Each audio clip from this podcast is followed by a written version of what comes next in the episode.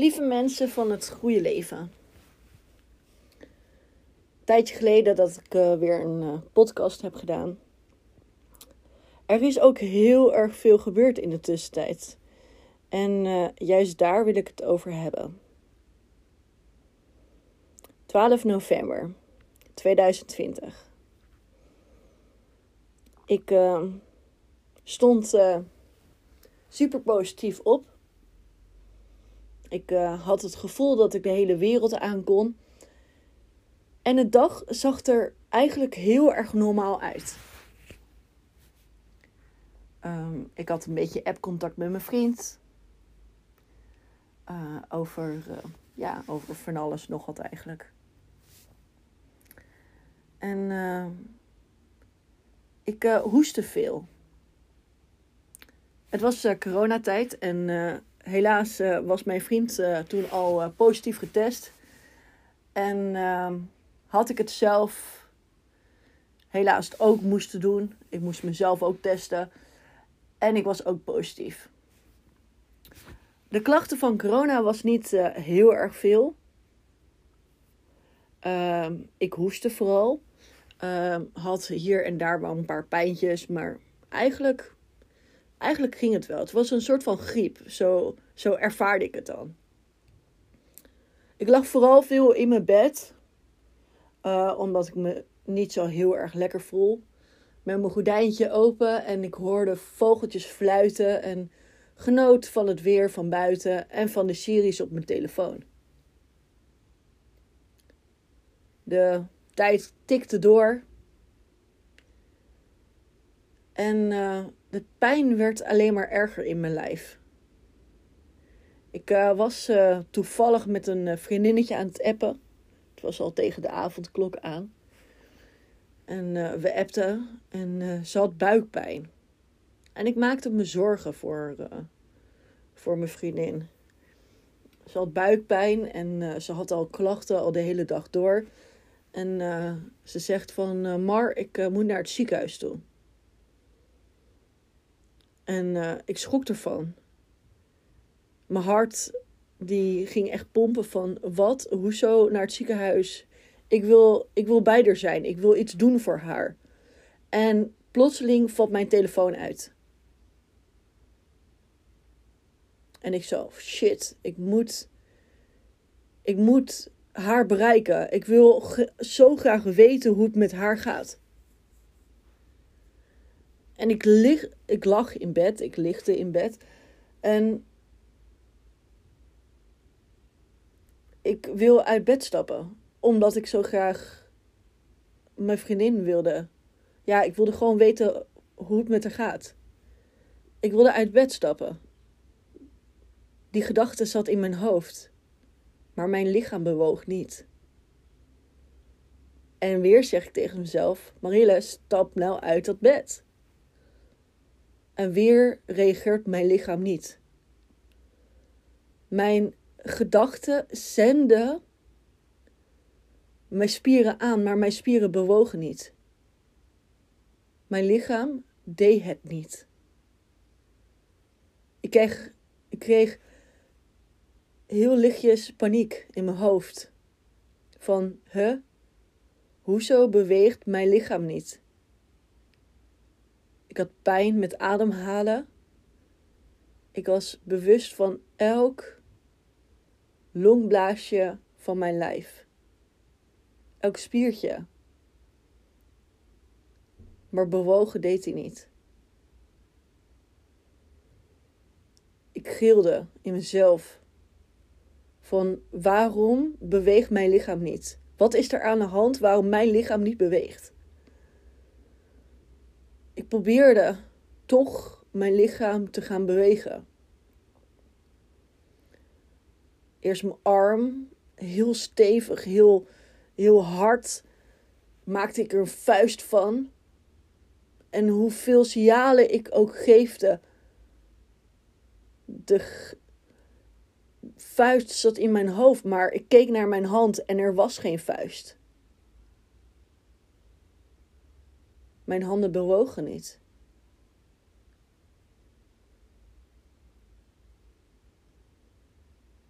En in één klap,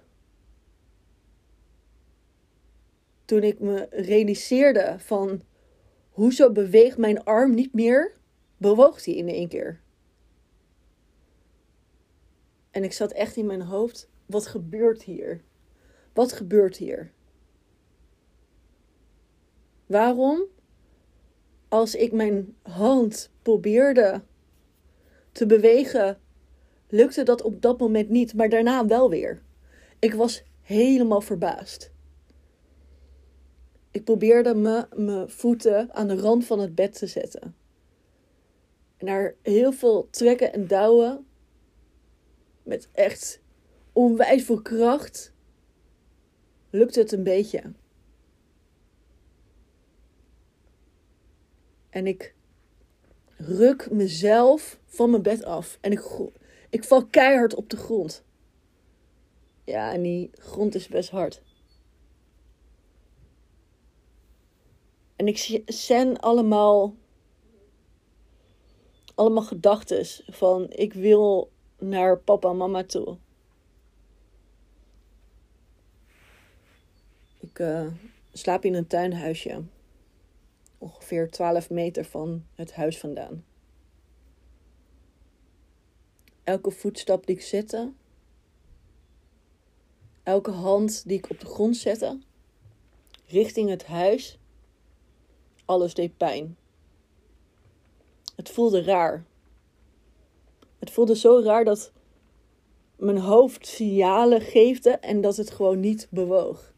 Of nauwelijks, want ik bewoog wel, maar niet de snelheid als wat ik wilde. Ik was nog steeds onwijs bewust van elke, elke ademhaling die ik neemde in mijn lichaam. Elke hap lucht die ik inneemde.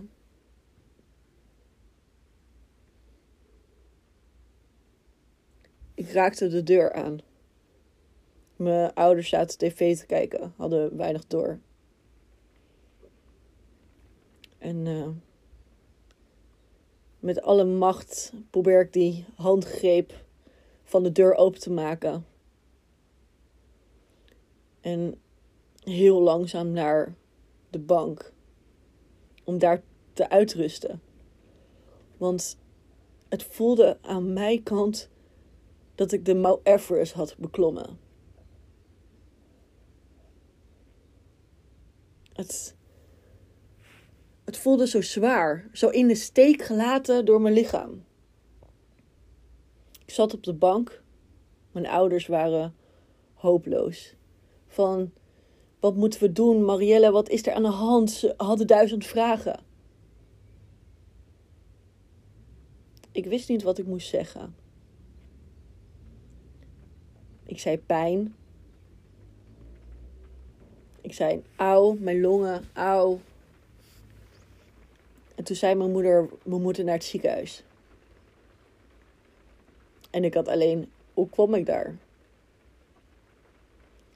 Ik had zo onwijs veel pijn. In mijn longen, vlak bij mijn hart.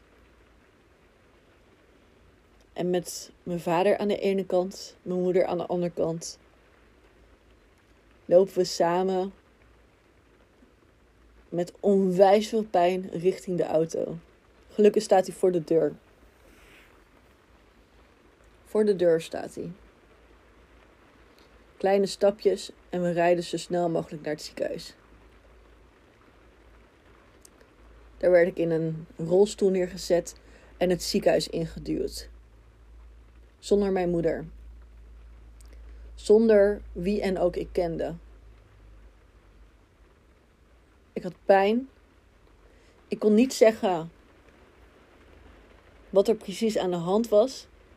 Ik zei alleen maar: ik heb pijn. En ik wijste aan waar ik pijn had. Ik kon geen woord uitspreken. Allemaal artsen om me heen. Allemaal apparaten werden op mijn lichaam gezet. Niks werd er verteld tegen me. Ik begreep er niks van helemaal niks. Ik ben een volwassen vrouw, 27 jaar, met een taalontwikkelingsstoornis en ik begreep de, niet wat er op dat moment gebeurde met me. Helemaal niet. Ik begreep het gewoon niet. Ik begreep het echt niet. Het ene apparaat naar de ander werd op mijn lichaam geïnstalleerd. En het enige wat mijn mond uitkwam was pijn. En ik wijs naar mijn borst, naar mijn hart. Ik kreeg uh, pijnstillers. Er wordt een uh, grote soort van uh, stofzuiger aan me vastgebonden. Bleek uiteindelijk dat het de zuurstoftank was. Heel rustig probeerde ik te ademen. En steeds ietsje beter ging het. Maar echt mini hoor. Steeds ietsje beter. Ze zei van uh, de arts kwam. En ze zag mijn tranen in mijn ogen en dat ik niks begreep.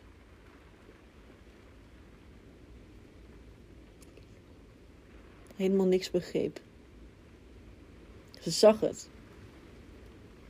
En gelukkig, met een beetje kindertaal, ging ze me uitleggen wat er aan de hand was. En dat ik zo meteen een prik ging krijgen in mijn buik.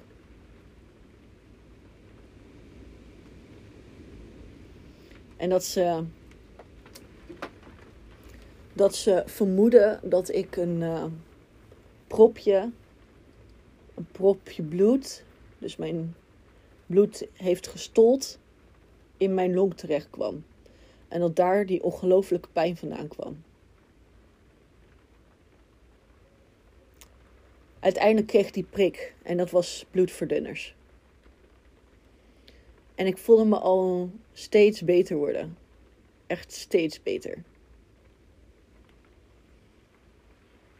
En uh, ik kwam rond uh, eh, 9 uur in het ziekenhuis in de avond.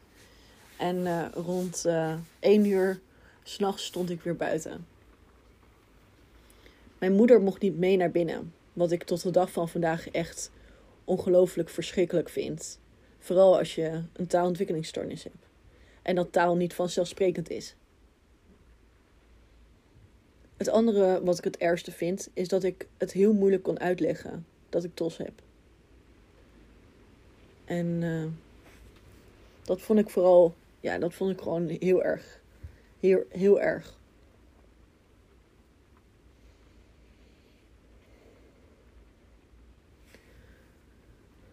Deze, deze dag, van deze hele dag, dat ik naar het ziekenhuis ben gegaan, bloedpropje, bloedverdunners gelukkig gekregen. En volgende dag moest ik nog allemaal scans maken.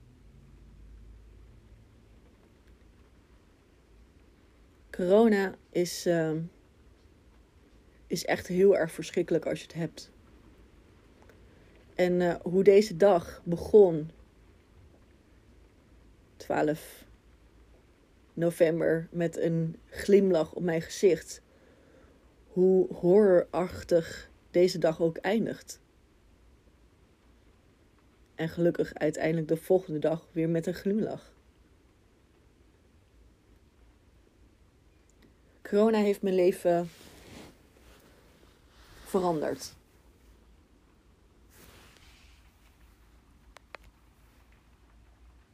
op een uh, positieve manier.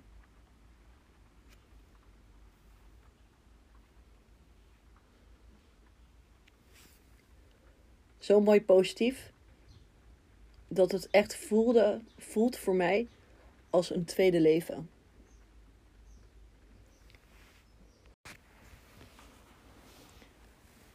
Het voelt echt als mijn tweede leven. 12 november ga ik nooit meer vergeten. Zoveel ups, downs. Maar ook vooral zo onwijs bizar. Dat mijn leven veranderd is, is dat ik er nu een half jaar over gedaan heb om weer vertrouwen te krijgen in mijn eigen lichaam. Want dat ene moment dat ik in mijn bed lig En dat ik opdrachten geefde aan mijn lichaam. En dat mijn lichaam niet bewoog, was ongelooflijk verschrikkelijk. En ik schrok dat dat zo op deze manier kon. Ik keek zelf naar mijn eigen lichaam, zonder dat ik er enige houvast aan kon hebben. Ik heb in, het andere, uh, in, het, in de afgelopen half jaar heb ik mezelf allemaal oefeningen gedaan om bewust te worden van mijn lichaam. Om mijn eigen lichaam weer te vertrouwen. Om weer positief te gaan denken. Maar hoe positief ik soms ook ben. Ik heb dagen ook in mijn bed gelegen dat ik helemaal niet zo positief ben. En dat ik het juist heel hopeloos zag. En dat ik echt dacht van waarom ik? Maar ik heb ook van die dagen gehad dat ik weer super positief was en dat ik de hele wereld aankon. Bij mij komen de gevoelens in één keer met een piek, maar soms ook met een daal. Zo ben ik. Positieve gedachten. Als ik het kan, kan jij het ook. Dat is een van de uitspraken die ik regelmatig doe. Als ik het kan, kan jij het ook. Ik gebruik deze motto bij mezelf om mezelf te gaan motiveren.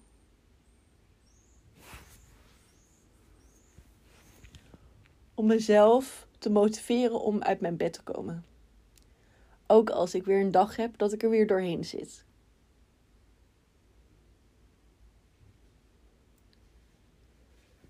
Weet je, toen ik de taal leerde, toen ik klein was, toen uh, had ik altijd mijn oma, die het altijd het zonnetje in mijn leven gaf. Helaas is uh, 13 mei 2013 overleden. Alweer een hele tijd geleden. En nadat ze overleden is, probeer ik mezelf dit te zeggen. Kom op, meisje, je kan het. Kom op, je kan het. Je kan het, je kan het. Wat ik merk is hoe harder ik dat tegen mezelf zeg, hoe meer me dat motiveert om mijn bed uit te komen. Ik motiveer mezelf.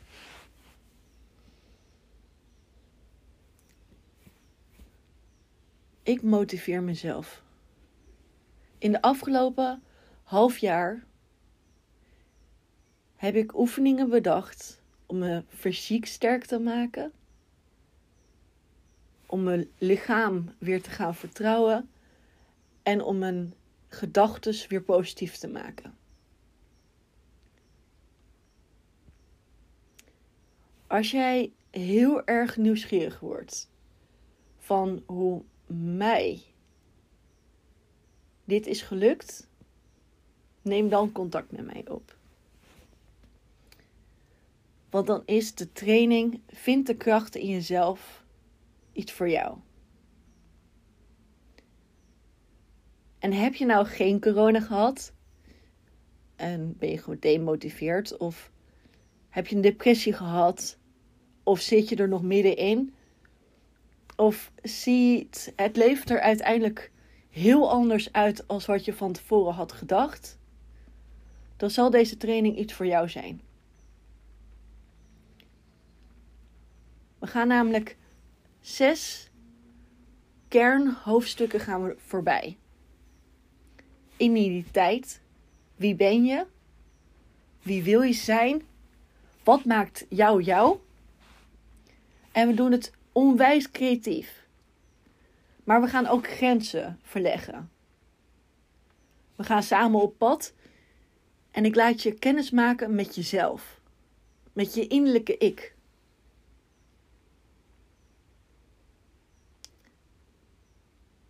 Het leukste is ook dat er ook hele leuke opdrachten uh, zijn waar je met jezelf aan de slag gaat.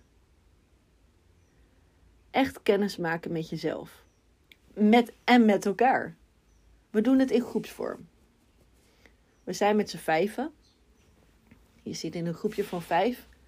Het is klassikaal. En we zijn zoveel mogelijk buiten. In acht stappen, in acht weken, tover jij jezelf van dat meisje wat verlegen is, wat nog net durft te kijken om zich heen, tot een sterke, jonge vrouw die de hele wereld aan kan. Ik wil je helpen.